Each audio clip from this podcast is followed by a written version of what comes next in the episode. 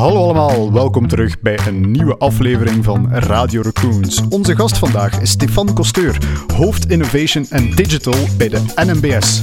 Het ging dus natuurlijk over grote en kleine innovaties in de treinwereld, maar net zozeer over hoe Stefan innovatie in een grote organisatie zoals NMBS doorgevoerd krijgt. En hoe het ideale innovatieteam er hoort uit te zien. Hallo allemaal, welkom terug bij een nieuwe aflevering van Radio Raccoons. Hier alweer een nieuwe aflevering, hier alweer een nieuwe gast. Deze keer Stefan Costeur, uh, marketeer, entrepreneur, maar Head of Digital and Innovation bij de NMBS. Maar bovenal... Een would-be profcoureur in mijn uh, wilste dromen. Maar ah. daarvoor is het ondertussen al iets te laat. ik ken er zo nog, dus jij hebt ook een redelijk dure koersfiets aangeschaft. Absoluut, om uh, ja. ja uh, Strava ook wel te vinden waarschijnlijk. Absoluut, voilà, kijk, de, de, de whole shebang. nu, het is hier natuurlijk geen koerspodcast, anders konden we daar nog eventjes over, over doorpraten. het gaat hier over technologie en innovatie. Ja, dan komen we uit bij het hoofd innovatie bij de NMBS.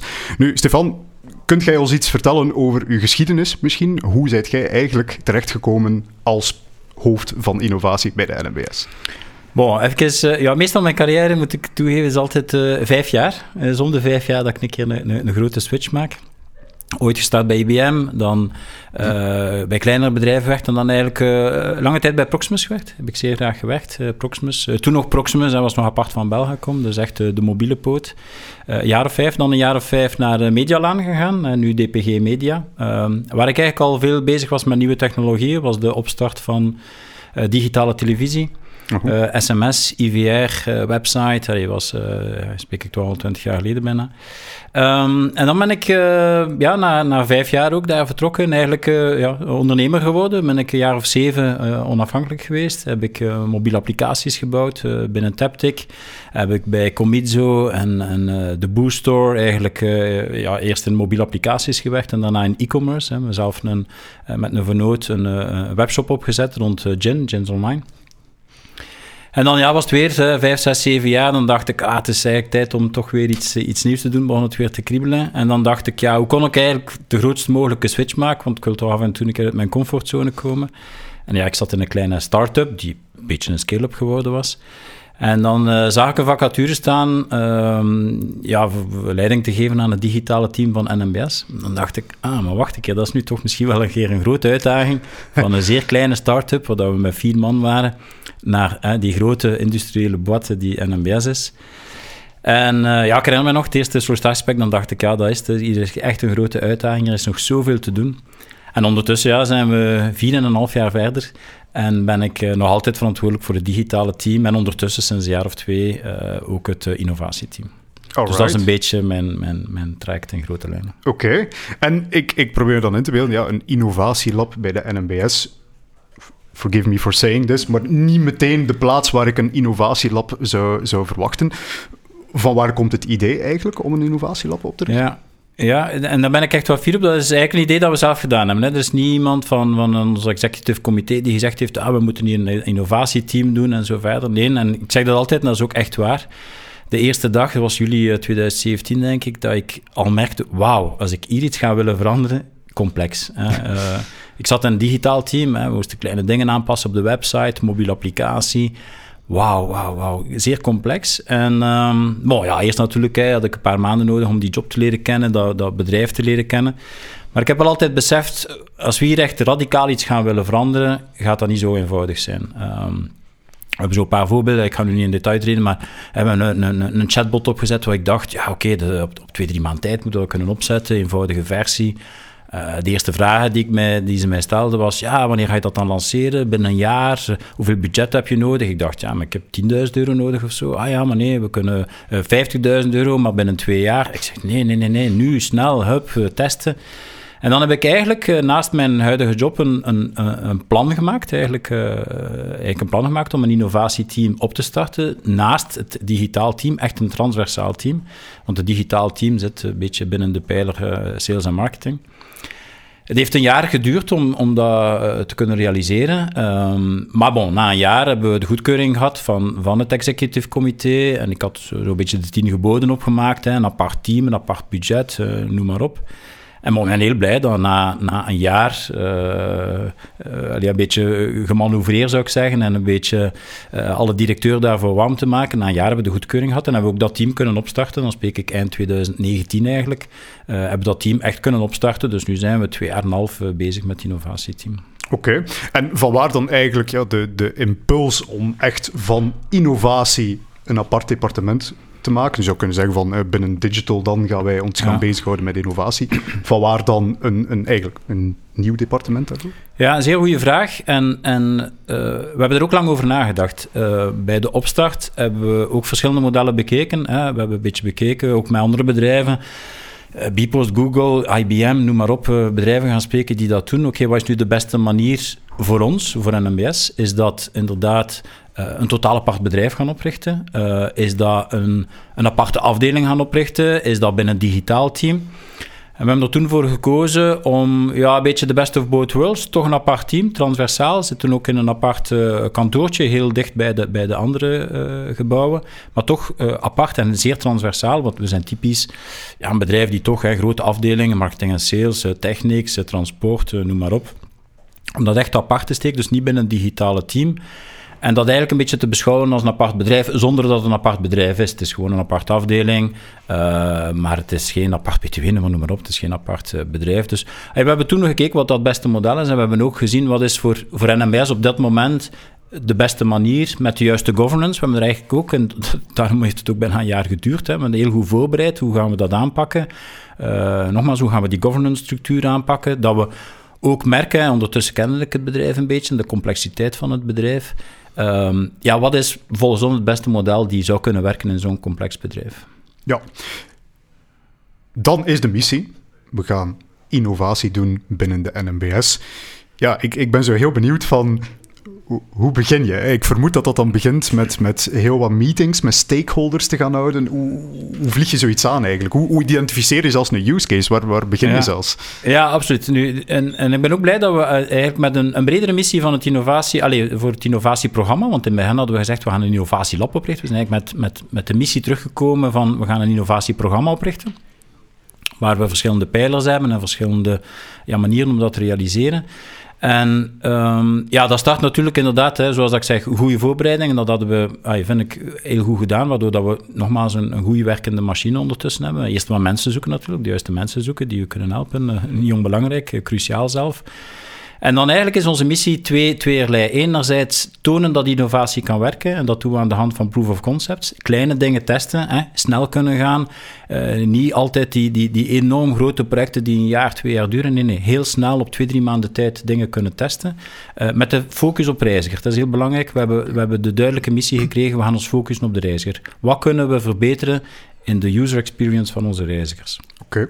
Van waar die keuze eigenlijk om het daar specifiek op te gaan focussen? Ja, omdat we daar, en, en zeker uit de missie van onze CEO, Sophie Dutordoir, heeft dat heel duidelijk aangegeven. En eigenlijk de, de, de vraag die ze meestal stelt van elk project, oké, wat gaat mijn klant, mijn reiziger daarvan zien, wanneer? Om ons daar toch echt op te focussen. En, en misschien straks als we naar de toekomst gaan kijken, zijn we aan het kijken om die, die scope van dat innovatieprogramma ruimer te brengen. Want natuurlijk, we zijn een zeer groot bedrijf, er zijn ook binnen het bedrijf veel innovatie-initiatieven.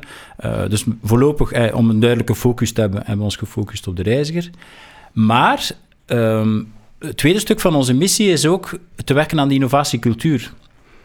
We willen niet de one and only shiny innovatieteam zijn die binnen een zeer groot bedrijf, hè, we zijn met, met 17.000 mensen, uh, met, vijf, zes man de enige doen die innovatie doen. Nee, uh, we willen uh, 10.000 mensen hebben die innovatief zijn. Of iedereen moet eigenlijk zijn eigen job wel in vraag durven stellen en kijken hoe dat we het beter kunnen doen. Dus onze missie is echt van, ja, proof of concept, wat kunnen we doen voor de reiziger? En ook werken aan die innovatiecultuur binnen het, binnen het bedrijf. Oké, ja, er zijn een aantal dingen waar ik wil op inpikken. Ik denk om te beginnen, je hebt vermeld, het team is absoluut belangrijk. Kun je daar iets meer over vertellen? Hoe, ziet zo'n team eruit? Hoe, uh, welke mensen heb je precies gezocht om die missie te gaan vervullen? Ja, ondertussen is een team van, van zeven mensen. En dat is een beetje onderverdeeld tussen projectmanagers, dus mensen die echt transversale, innovatieve projecten kunnen, kunnen trekken omdat we eigenlijk ook zeer veel met partners samenwerken. Hè. We werken veel met, met externe partners uh, samen. Dus die projectmanagers hebben de opdracht om binnen deze complexe omgeving van NMBS dat project te kunnen trekken. Uh, dus die hebben een zeer goede technologische kennis, maar eigenlijk vooral zeer goede projectmanagement skills. Van hoe kunnen we zo'n project gaan opstellen, hoe kunnen we de klant daarbij betrekken en zo verder. Dan hebben we natuurlijk ook iemand die werkt op communicatie. We doen heel veel evenementen om aan die innovatiecultuur te werken. Dus we, we trachten onze community, eh, daarover zullen we het straks misschien wel eventjes hebben, die mensen meer te betrekken bij alles wat dat we doen. Uh, bijvoorbeeld volgende week is de Werelddag van rond innovatie. Daar doen we heel veel, uh, of morgen trouwens, heel veel evenementen, webinars rond. Dus we, we trachten rond die cultuur te werken. En dan hebben we ook uh, coaches, uh, twee coaches, die um, ja, ook nogmaals andere mensen ook gaan betrekken. Die eigenlijk uh, opleidingen gaan voorzien. We hebben een intern acceleratorprogramma waar dan mensen eigenlijk met hun eigen idee aan de slag gaan kunnen gaan. Mm -hmm. Juist om die innovatiecultuur te verspreiden binnen dat groot bedrijf. Dus de, de, het team is een beetje een mengeling tussen projectmanagers, wat toch de focus is. Hè, wat, wat we echt mooie projecten willen realiseren, groot en klein. Een stukje communicatie, werken aan die cultuur en een stukje coaching, opleiding, waarbij dat we eigenlijk andere mensen betrekken in ons innovatieproject. Oké. Kun je misschien eens schetsen voor ons hoe, hoe dan zo'n traject er misschien uitziet? Moet ik mij dan voorstellen, is dat, is dat een conducteur met een goed idee die naar jullie komt en hoe wordt dat dan uitgewerkt precies? Hoe gaat dat in zijn gang? Ja, ideeën komen op verschillende manieren. Hè? Dus ofwel uh, het team zelf, en dat kan zijn dat we zelf geïnspireerd worden door een idee dat we zien in een andere sector. Of we hebben ook uh, internationale uitwisselingen met uh, Nederlandse spoorwegen, Duitse spoorwegen, noem maar op. Dus we zien ook een aantal use cases van het buitenland. Ideeën kunnen natuurlijk ook van collega's komen. Hè? We doen heel veel oproepen naar collega's. Van, heb je zelf een idee waardoor dat je het leven of de experience van onze klanten kan verbeteren. Uh, of extern. Hè. Er komen heel veel partners naar ons, van uh, start-ups, scale-ups tot grote corporates, die zeggen, nou, we hebben een leuk idee, leuke use case, nieuwe technologie die voor jullie iets kan betekenen. Dus, dus de diversiteit van ideeën is enorm en, en, en van waar dat ze komen ook. Een intern idee, dat is dan een, meer het acceleratorprogramma, waar dat we inderdaad nu een, echt een, een programma hebben, waar dat, uh, en dat kan een treinbegeleider zijn, dat kan een treinbestuurder uh, zijn, dat kan iemand die aan de loketten zit zijn, dat kan iemand van de boekhouding zijn, van technics, noem maar op, die een goed idee heeft voor de klant.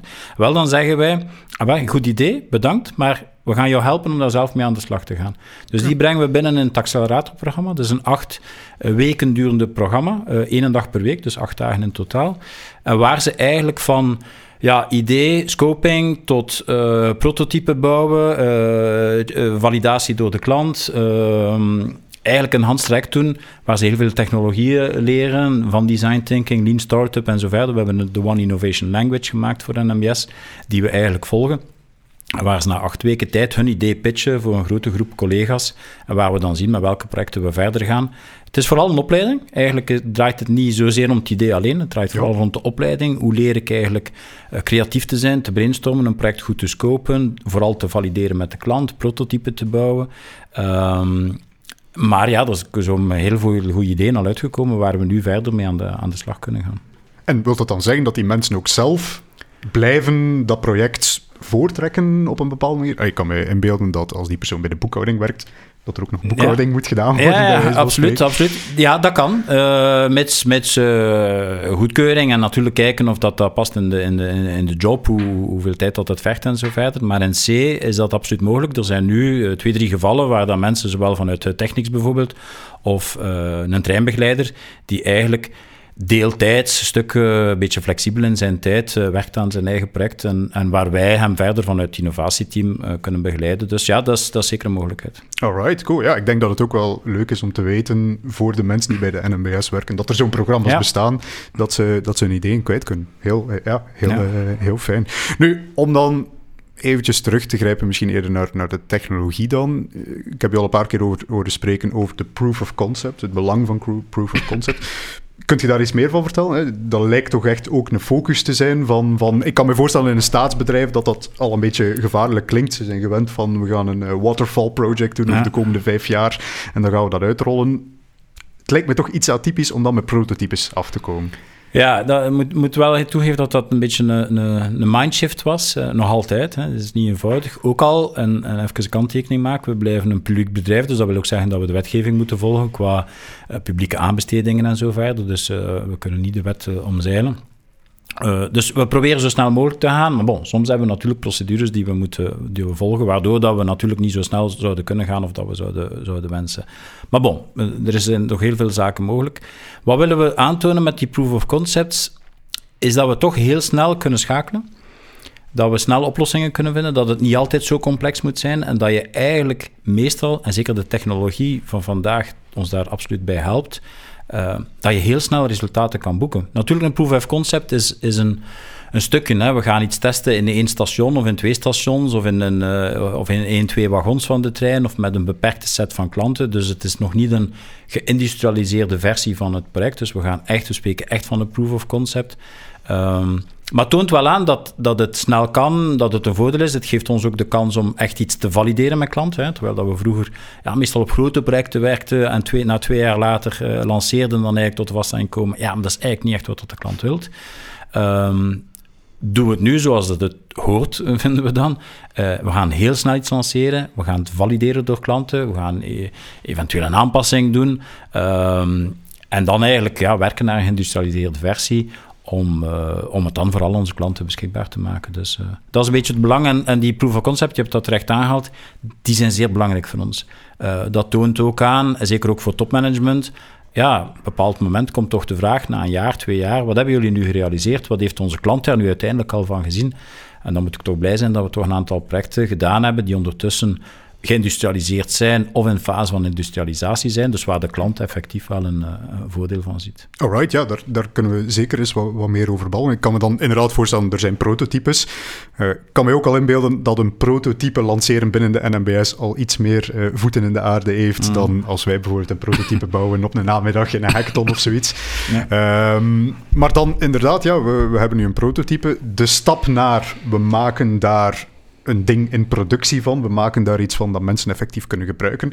Hoe gaat dat dan in zijn werk eigenlijk? Ja, ook een, zeer terechte vraag. En dat is ook wel een complexiteit die we hebben, moet ik toegeven. Dat het, uh, zoals je zelf zegt, het is uh, relatief makkelijk om iets snel te testen met klanten in één station. Up, uh, we doen iets, we testen, we, we doen een aanpassing en, en we hebben een juiste versie. Om het dan te gaan opschalen, om het beschikbaar te maken naar de honderdduizenden klanten die we hebben, de, de honderden stations die we hebben, de, de, de duizenden uh, treinwagons, noem maar op, is niet altijd even eenvoudig. Dus daar moeten we ook zien. En ook daar is, is natuurlijk een traject van twee jaar. Dat heeft ons enorm veel geleerd. Hè. Je hebt daar in het begin van, van de vraag had je al gesproken over stakeholders. Zeer belangrijk om die vanaf, ik zeg altijd niet dag één, maar dag nul te betrekken. Van als dat we een idee hebben van, oké, wie is binnen de business nu vragende partij om dat te realiseren en die van in het begin te betrekken legal, uh, ook over na te denken. Welke impact heeft dat? GDPR-regels, noem maar op. Dus we, en, en daar zijn we ook blij dat we binnen het innovatieteam ondertussen wel een netwerk hebben van mensen intern uh, om ons uh, ja, te supporteren, om ons echt te helpen. Um, hè, we hebben ook een, in plaats van een steering comité, een supporting comité, die ons kan helpen om projecten te realiseren. Dus we zijn eigenlijk van in het begin eigenlijk al bezig van oké, wacht, stel dat dit een succes wordt, hoe gaan we dat gaan kunnen opschalen? Oké, de het ene project is dat iets gemakkelijker dan in een ander project. Maar we zijn daar toch van in het begin al mee bezig om dan eigenlijk ja, die, die overgang naar een geïndustrialiseerde versie toch zo makkelijk mogelijk te maken. Um, en daar ook ja, goede samenwerking met, uh, met IT, met andere departementen is cruciaal om, om dat te kunnen doen. Maar het blijft een uitdaging natuurlijk. Het is een zeer complex bedrijf. Iedereen heeft heel veel prioriteiten. Uh, en als wij daar soms met een heel leuk idee afkomen, want ah, we hebben hier iets getest, we vinden dat fantastisch Oké, dan is dat misschien niet altijd de topprioriteit voor een ander eh, team. Maar nogmaals, vandaar die community, eh, supporting comité, um, de, de, de, stakeholders vanaf dag nul te betrekken, helpt ons. En, en de twee jaar ervaring die we nu hebben, helpt ons zeker om projecten makkelijker te gaan industrialiseren. Oké. Ja, ik ik hoor dus inderdaad een beetje... Ik heb ooit een workshop gehad over sales en, en mensen on board krijgen enzovoort. En inderdaad wel onthouden van find your champions, was zo een beetje het advies. Vind de mensen die hun schouders daaronder willen zetten. Is dat dan inderdaad de geheime formule om die silo's... Ik, ik vermoed dat er wel een paar zijn binnen de NMBS. De naam alleen al, NMBS is niet de enige entiteit in het vraagstuk. Uh, ik vermoed dat je wel heel wat mensen on board moet hebben eer dat je effectief met zo'n project kunt beginnen. Ja, absoluut. Er zijn een paar dingen die cruciaal zijn. Hè. Zoals dat ik aangeef, dat supportingcomité, om die silo's juist te doorbreken. En je moet echt toegeven dat er de laatste jaren toch heel veel veranderd is ook. Oké, je hebt nog altijd die grote afdelingen, maar toch, er wordt veel meer transversaal nagedacht. Die klant wordt veel meer centraal gezet, dus er is toch wel echt een, een beweging uh, gaande die wij alleen maar uh, ondersteunen uiteraard.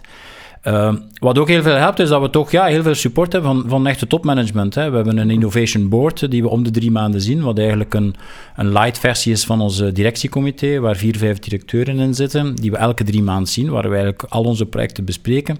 Wat het toch veel makkelijker maakt om te kijken wat is strategisch belangrijk. Um, dus zeker voor dit jaar bijvoorbeeld is een keuze genomen om minder projecten te doen, maar meer strategisch belangrijke projecten. Omdat we dan ook zien, als je de steun hebt van een directie, van een directeur, van een aantal senior managers, ja, dan is het ook wel makkelijker om daarna iets te realiseren. Als je op iets werkt die de business, en zo noemen we het ook, een innovation champion. Wie is onze business innovation champion? Die echt Stel je voor dat we dit project stoppen, die, die aan ons mouw gaat trekken van nee, nee, nee, ik wil niet dat je stopt. Als je die persoon vindt en die je kan supporteren, kan het alleen maar helpen om, om daarna sneller te gaan en de juiste support te vinden. En als je die persoon niet vindt, ja, moet je misschien wel de vraag stellen, zijn we met het juiste project bezig? Is er iemand die zit te wachten op dit project? En misschien is het niet zo belangrijk. Ehm, dus ja, dus, we hebben veel lessen geleerd, denk ik, de laatste twee jaar, en die ons alleen maar helpen om, uh, om projecten beter te realiseren naar de toekomst. Oké. Ja, ik, ik spreek wel veel mensen in grotere organisaties die zowat met uh, frustratie dan zitten van oh, ik heb zoveel ideeën, maar ik, ik krijg ze niet uh, in de brede organisatie verspreid. Maar ik hoor dus, ja, steun van bovenaf is de, de eerste voorwaarde al om te beginnen. En dan is het kwestie van netwerk uitbouwen en mensen aan boord krijgen. En dan... Ja, en je moet... Allee, frustratie, je neemt het, frustratie, het woord frustratie in de mond en dat is waar. En, en daar moet je echt mee kunnen omgaan in ons bedrijf. Um, hè, vandaar dat, hè, dat kan natuurlijk op mijn fiets kruipen, om dan een keer een paar uur uh, los te maken. Dat helpt mij wel om, om dingen in perspectief te zetten. Uh, want ja, je hebt sowieso frustraties. Je hebt projecten waar je denkt van, ah, dat is fantastisch, dat moeten we echt gaan doen. Maar bon, daar zit niemand op te wachten. Dan moet je ook durven zeggen, oké, uh, leuk, maar dit gaan we nu even stopzetten. Het is geen prioriteit voor het bedrijf. Dus je moet echt wel die, die mengeling maken tussen, oké, wat, vinden wij een leuk project? Wat is vooral voor die klant uh, belangrijk? En wat is ook voor het bedrijf uh, belangrijk? Wat is cruciaal? Waar staat topmanagement achter? Nogmaals, het is een zeer groot bedrijf met heel veel werven in de letterlijke en de, en, en de figuurlijke zin van het woord. Er zijn heel veel zaken die, die, die veranderen en die, die verbeterd worden. Dus je moet daar echt uw plaats in vinden. En soms soms moet je durven zeggen van oké, ja, dit project gaan we nu gewoon stopzetten, want ja, we hebben beperkte resources, we moeten onze focus zetten op projecten die belangrijk zijn voor de klant. Uh, de wereld die verandert ook, hè, de, de wereld van mobiliteit die verandert. Uh, dus daar moet je ook rekening mee houden dat ons, de positie van ons bedrijf in de toekomst misschien ook wel kan veranderen. Alright. Nu, om dan wat meer in te zoomen misschien op, op wat dat jullie effectief aan het doen zijn. Kun je eens vertellen over de soort projecten die jullie al gedaan hebben? Want ik vond het heel interessant. Ik heb een artikel zien passeren het hoeft ook niet altijd technologie te zijn. Nee, nee, nee, nee, nee absoluut. Nee. innovatie is, is soms ook een, een andere manier van denken. Een, een, soms gaat het over stickers plakken. En we hebben een project gedaan, Navilens, voor, voor uh, mensen met uh, visuele beperking. Hm? Dat gaat over stickers plakken die er eigenlijk een beetje uitzien als zeer gekleurde QR-codes, maar die met een, een smartphone, dus zonder echte spitstechnologie, zeer gemakkelijk te lezen zijn en meer informatie kunnen geven. we hebben stiltewagons gedaan om te testen hè, wat dat, dat geeft. Daar hebben we geen technologie voor gebruikt. We hebben gewoon ja, borden hangen in, in wagons om te zeggen, het is vanaf nu stiltewagon en dan gekeken wat het effect daar is op klanten. Um, we proberen echt wel altijd vanuit die klanten vertrekken. Hè. Een heel goed voorbeeld is MoveSafe. Hè. Toen, toen de, de pandemie opgestart is in... Uh, uh, de COVID-19 in, in, in maart 2020 hebben we gezien dat er ja, zeer weinig volk zat op de treinen en de stations. Uh, bij de eerste enquêtes bij klanten was eigenlijk de customer problem number one: ga ik wel afstand kunnen bewaren in de trein? Ik wil wel de trein nog nemen, maar ga ik mijn social distance kunnen bewaren? En dan zijn we met Move Safe op de proppen gekomen, waar onze ambitie was: we willen eigenlijk voor elke trein in real time kunnen geven wat de bezettingsgraad is. En dat hebben we gerealiseerd. Dus uh, dat zijn projecten waar dat we echt fier op zijn en waar dat we echt vanuit die klant, vanuit het, echt het klantenprobleem gestart zijn. Uh, dus het is heel divers, echt van technologie. Hè. We, we, zijn ook met, met virtual assistants bezig. Hoe kunnen we klanten beter helpen, 24-7? Hoe kan een robotje uh, mensen met beperkte mobiliteit uh, bijvoorbeeld ont, ontvangen in een station? Het gaat van heel technologisch tot, tot soms heel basic. En we proberen echt wel van die van die klanten starten. Uh, vervangbussen bijvoorbeeld, hè. dat is een, echt een, een pijnpunt voor sommige klanten. Hè. Een, een treinrelatie die eventjes stopgezet wordt door werken of uitvallen van een trein, noem maar op. Dan heb je vervangbussen. Mensen vinden niet altijd de plaats van die bus. Waar is die bus? Is die al gepasseerd of niet? Dus daar proberen we met eenvoudige track and trace of met de chauffeur een smartphone te geven, eigenlijk te kunnen positioneren waar dat die vervangbus zich bevindt. Dus het is niet altijd super spitstechnologie. Um, die, die een oplossing heeft voor de klant, is soms ook eh, relatief eenvoudig en gewoon over na te denken van uh, ja, hoe, kan, hoe kan een manier, een andere manier van, van werken of een technologie ons helpen om uh, zo'n probleem te, te, te verhelpen. Alright, het, het begint dus bij de klant, zeg je dan zelf. Ja. Zijn er enquêtes van NMBS zelf waar jullie jullie op kunnen baseren? Is dat, is dat jullie die naar de stations gaan? Of jullie als treinreizigers die zelf uh, zaken, zaken opmerken? Hoe gaat dat dan eigenlijk in zijn werk om, om te identificeren echt van wat zijn nu de echte noden van onze klant? Uh, ik, zou, ik zou bijvoorbeeld kunnen zeggen, ja, uh, vraag het en ze zullen zeggen goedkopere tickets misschien. Ja, de, de, de, of de, de Ford quote, if you ask the people what they want, faster horses, is, is dan het antwoord.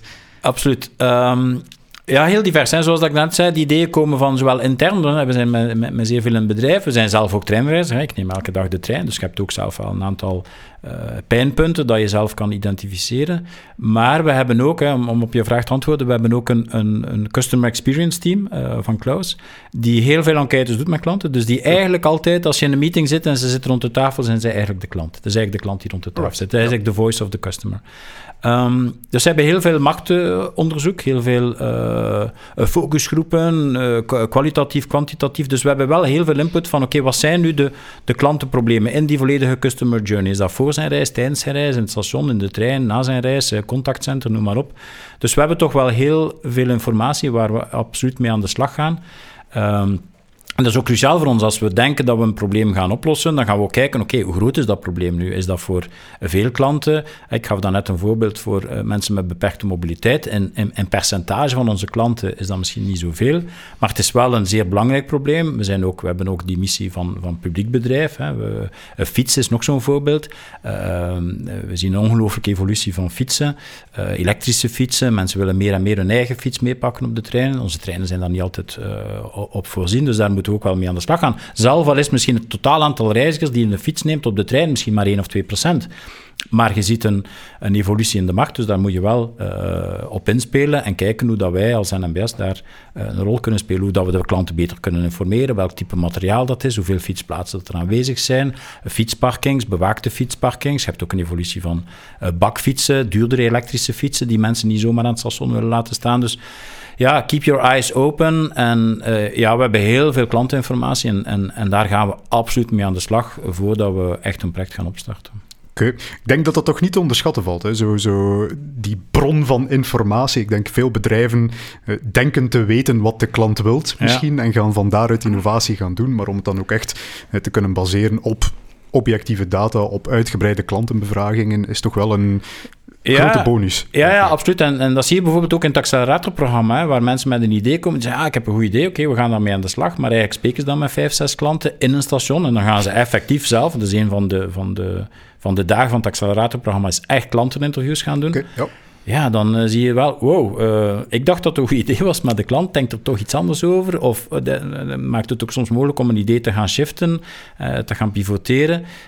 Dus ja, allee, klanten, er is geen enkel project die we lanceren waar dat de klant niet bij betrokken wordt of, of een centrale rol speelt. Alright. Nu, Stefan, als, we u, als, ik, als ik uw naam google, en dan kom ik automatisch bij een artikel uit. en de, head, de headline van die, dat artikel is uh, vanaf 2022, denk ik, gaan we meer focussen op moonshots. Ja, ja, um, ja. Denk zelfs heel letterlijk te nemen, want als ik het goed begrepen heb, hebben jullie een hackathon, een interne hackathon georganiseerd, uh, met, met als doel de NMBS op Mars Right. Ja, absoluut. Ja, ja, dat, was vorig jaar uh, een zeer mooi uh, evenement in, in, Chainworld met, met uh, meer dan 200 studenten. Ja, dat is een van onze ambities om bij de opstart van het project. zelf al hadden we altijd gezegd: oké, de eerste twee jaar moet je eigenlijk van ons niet verwachten. Hè. Dat was: oké, je doet innovatie, dus je mocht er eigenlijk niet veel van verwachten. we, gaan, we gaan wel zien wat dat, dat geeft. Nu, dat duurde natuurlijk geen twee jaar. Dat heeft twee maanden geduurd totdat we de eerste vraag kregen. Hey gasten, waar zijn er mee bezig? En uh, nu, we hebben dan hè, Move Safe zeer snel gehad. Hè. We zijn eind 2019 opgestart. In maart 2020 hebben we dan al Move Safe gehad, hè, waar we die bezettingsgraad van de, van de klanten bekeken hebben. Dus we waren wel heel snel met zeer concrete projecten bezig. Um, maar, en, en als we zelf een beetje de reflectie maakten eind vorig jaar van oké, waar gaan we ons op focussen 2022, uh, dan hadden we wel beseft, we zijn met heel veel concrete zaken bezig, maar we zijn eigenlijk nog te weinig bezig naar ons inzicht van Oké, waar staan we binnen vijf jaar? Wat gaan we doen binnen vijf jaar? Hoe gaat het ticketing van de toekomst er gaan uitzien? Hoe gaat de klantendienst van de toekomst er gaan uitzien? Um, dus dat proberen we wel te doen, van te zeggen van oké, we gaan met de resources die we hebben, want wij moeten ook realistisch zijn. Het is uh, financieel geen eenvoudige twee jaren geweest voor, voor ons bedrijf, dus daar moeten we ook wel rekening mee houden. Uh, maar het is toch onze ambitie om, om dit jaar al en, en, en de komende jaren ook uh, meer focus te zetten op moonshot ID's. Voor het inderdaad te zeggen van oké, waar, waar, staan we nu binnen vijf jaar? Wat kunnen we nu doen binnen vijf jaar? Niet altijd te gaan werken op iets die we volgende maand of, of, of volgend jaar al kunnen gaan industrialiseren. Um, en zo zijn we bijvoorbeeld bezig met ticketing van de toekomst. Oké, hoe ziet ticketing van de toekomst eruit? Hè? Seamless ticketing is iets dat we nu al aan het testen zijn met een paar honderd klanten. Uh, daar geloven we heel sterk in. Maar dat zal niet voor dit jaar zijn. Dat zal misschien ook nog niet voor volgend jaar zijn, want dat is ook complex. Stakeholder management, dan moet je naar de, de, de politieke wereld ook stappen als we prijzen willen gaan aanpassen of meer flexibiliteit eh, gaan tonen. Dus dat, dat, is, dat is een zeer complex proces intern. Maar technologie laat ons wel toe om inderdaad wel wat, wat verder te kijken dan, dan één of twee jaar. En als je dan moet nadenken over de toekomst van transport binnen vijf jaar. Ik kan me wel inbeelden dat het, dat het een extra uitdaging is om te komen van we gaan onmiddellijke klantennoden gaan oplossen, eh, met POX liefst zo snel mogelijk, naar we proberen een soort lange termijnsvisie te formuleren van waar moet de NMBS naartoe. Misschien eh, die visie zelf, Kunt je daar iets over vertellen? Zijn er bepaalde zaken die jij zelf ziet? Ik heb toch gesproken over seamless ticketing. Is dat dan eh, de, de, de klant verwacht een betere customer experience? Vertrekt je van zoiets? Of, of hoe gaat dat? Ja, er zijn, er, zijn, er zijn trends. Hè. Er zijn eh, urbanisatie, mobiliteit die verandert, elektrificatie van mobiliteit, uh, shared mobility en zo verder. Dus er zijn een aantal trends waar je niet, niet, niet los van kunt kijken. Fietsen, we hebben het ook al over gehad, een enorme evolutie van fietsen. Um, wij geloven heel sterk dat de trein daar een zeer centrale plaats kan in zijn. Ook mhm. sustainability, hè, uh, niet onbelangrijke trends. Als je kijkt naar jongere mensen die toch minder geneigd zijn, en zelfs mijn eigen kinderen, die niet direct spreken over ik moet een eigen auto hebben en zo verder. Uh, dus een aantal trends waar we rekening mee houden. Dan kijken wat is onze positie. En nogmaals, wij vinden dat we met NMBS, met de stations, met het, het, het op langere afstand een massa van mensen kunnen vervoeren, uh, een zeer centrale plaats kan, kan geven. Stations worden ook meer en meer mobiliteit-hubs, waar verschillende soorten uh, mobiliteit samenkomen. Dat kan gaan van shared mobility tot, uh, tot zelfrijdende auto's, tot, ja, noem maar op, eigenlijk alles van, van mobiliteit die kan samenkomen. Denk ook aan onze andere partners, hè, trein, tram, bus, noem maar op. De andere public transport operators hebben, komen eigenlijk ook wel meestal samen aan, aan een station. Dus wij geloven absoluut met NMBS dat we daar een zeer centrale rol kunnen spelen in de sustainable uh, mobiliteit van de toekomst. Um, het is aan ons om die positie te vrijwaren en vandaar ook dat we moeten meegaan in die trends. Dat inderdaad wagons moeten aangepast worden op uh, die shared mobility. Dat mensen hun steps, hun fietsen kunnen gaan meepakken. Uh, dat mensen het nodige comfort, mensen willen comfort, mensen willen flexibiliteit kunnen hebben. Mensen willen niet meer moeten nadenken van wat is nu het beste tarief voor mij. Hè? Je ziet al de andere spelers waar dat je zegt, oké, ik heb een vast tarief of ik heb sowieso door seamless ticketing uh, het juiste tarief. Dus er zijn heel veel factoren dat we rekening proberen te houden.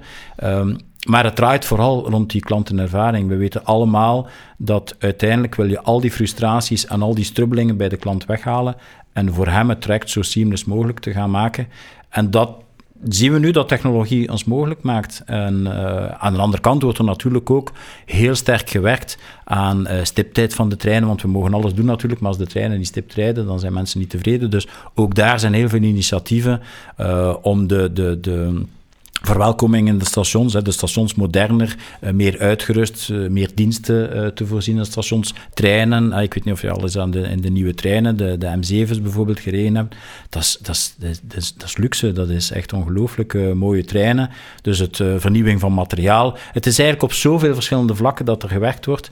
En wij proberen daar nogmaals met innovatie een laag bij te leggen en af en toe een keer ja, een beetje een stapje verder te kijken hoe dat we die klantenervaring in de toekomst nog kunnen, nog kunnen verbeteren. Alright. En dat lijkt mij ook een ideaal moment om dan eens in te pikken. Je hebt dan gezegd van eh, ons, ons mandaat gaat misschien uitbreiden van de pure treinervaring. Ik kan me dan inderdaad wel voorstellen als je zegt van ja, binnen vijf jaar uh, wat meer, wat meer uh, hoe noemt het, shared mobility of, of mixed mobility apparaat. Ja, uiteindelijk moet dan van, dit van deze klantenvraag een nieuwe soort treinwagon worden gebouwd. Ja, dan neem ik aan, dan, dan moeten we wat breder gaan kijken dan enkel puur de klantenervaring alleen. Ja, absoluut. En, en, en die vraag komt nu naar boven. Hè. Je, geeft het goed aan. Een trein moet je aannemen dat, dat, als je vandaag een trein bestelt, heb je die binnen 7, 8 jaar ongeveer. Mm ja, dus okay. is niet uh, gelijk een fiets dat je bestelt of een, uh, of een auto zelf, alhoewel dat je tegenwoordig op een auto heel lang moet wachten.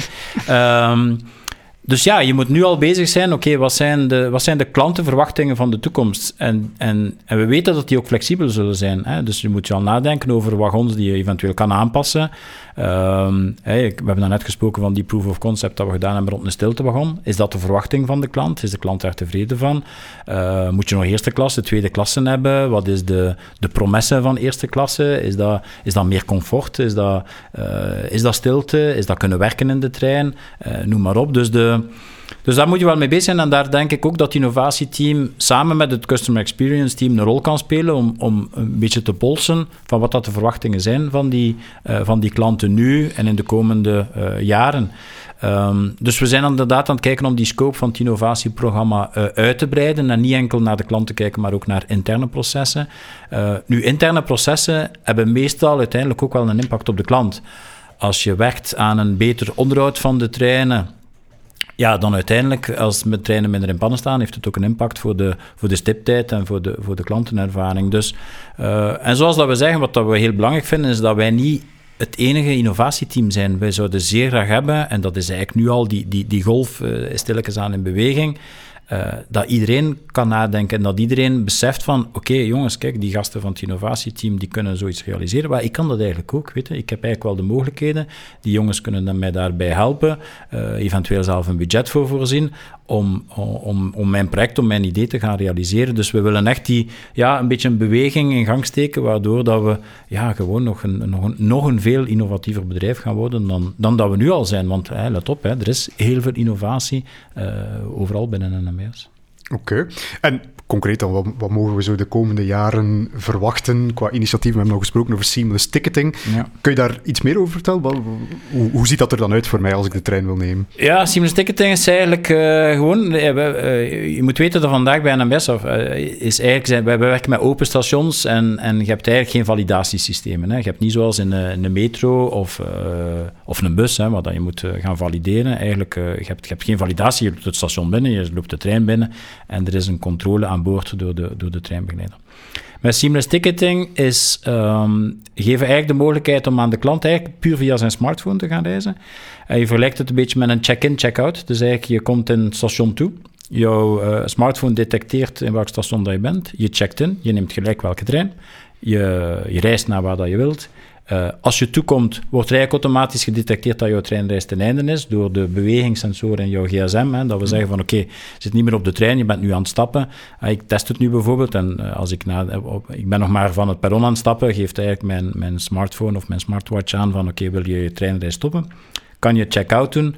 Wordt jouw treinreis geconstrueerd en wordt er eigenlijk op basis van jouw profiel, is het in de week, is het in het weekend en zo verder, zouden we eigenlijk het beste tarief kunnen voorstellen aan jou.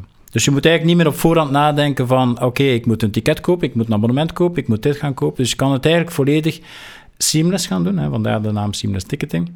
Nu, let op, we zijn zover nog niet. Hè. Vandaag, uh, zoals ik zelf zei, we hebben heel veel stakeholders, tot en met uh, politiek. Als je morgen, uh, maar geeft u, morgen alle, alle prijzen wilt, wilt gaan aanpassen, ja, dan hebben we toch nog wel wat, wat, werk voor de boeg.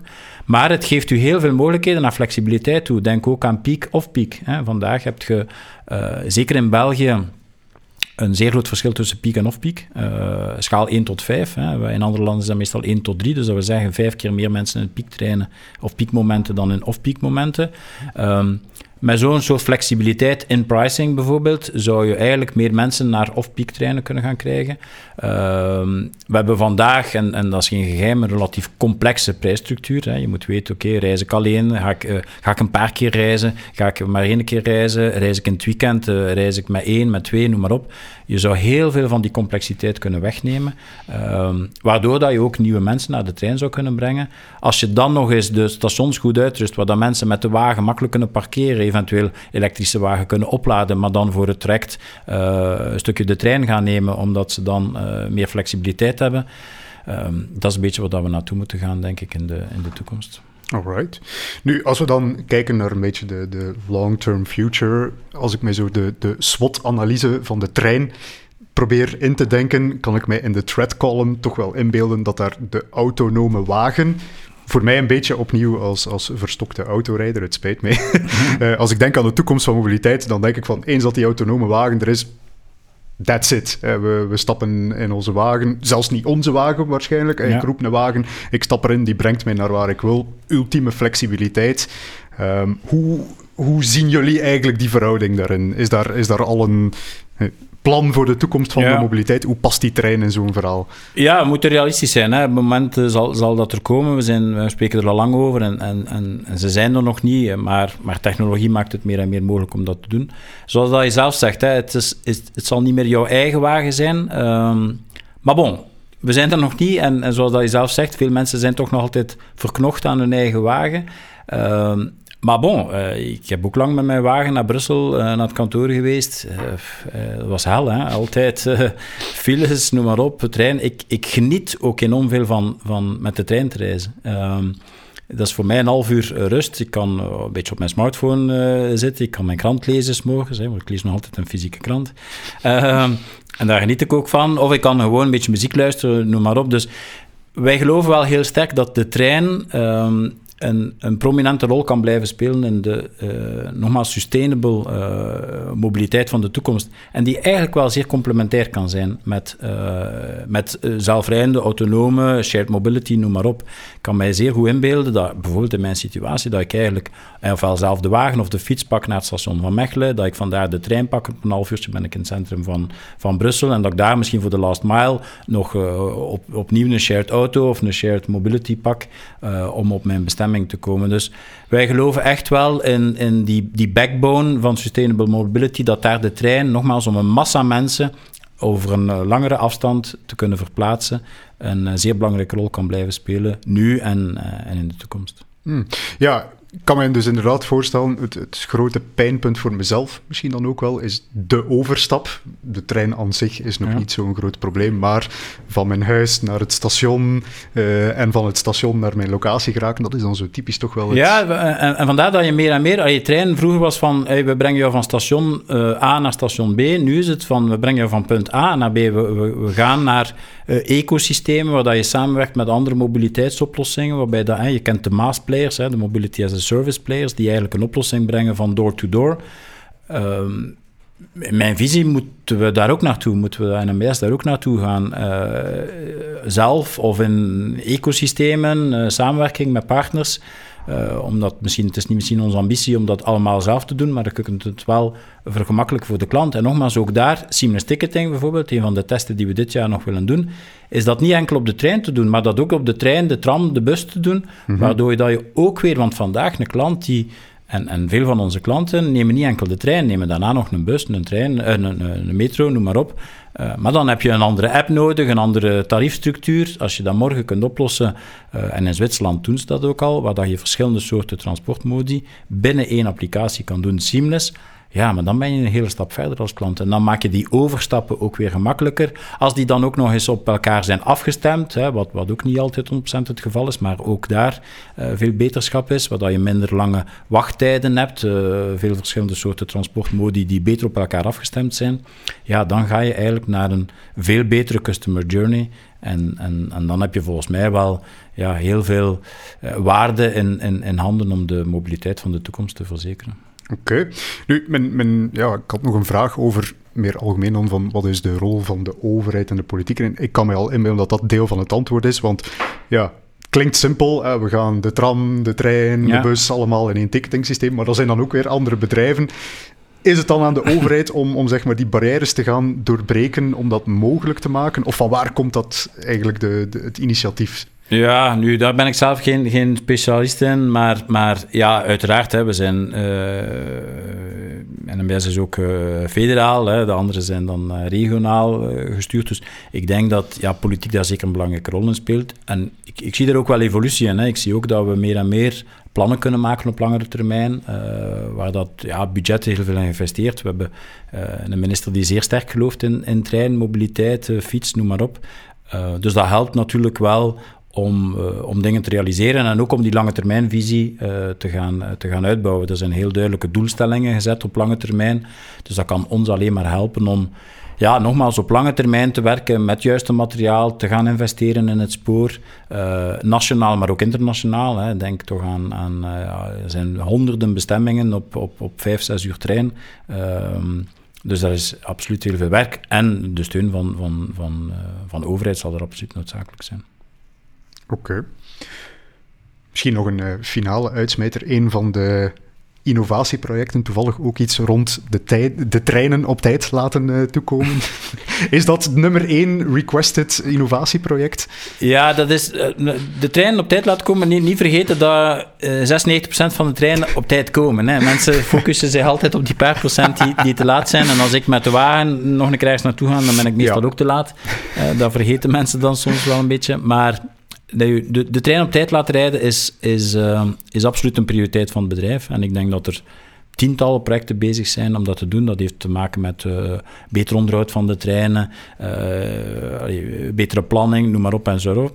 Wij zelf met het innovatieteam zijn ook met een aantal uh, projecten bezig, samen met mensen van, van de business. Uh, een van de projecten bijvoorbeeld waar we nu mee gaan starten, is ook uh, de, de mensen een betere plaats te geven op het perron. Veel mensen weten niet echt, en de fiets is daar weer een goed voorbeeld, of mensen met een rolstoel of mensen voor eerste klasse. Ehm, de treincompositie is niet altijd even correct en even duidelijk.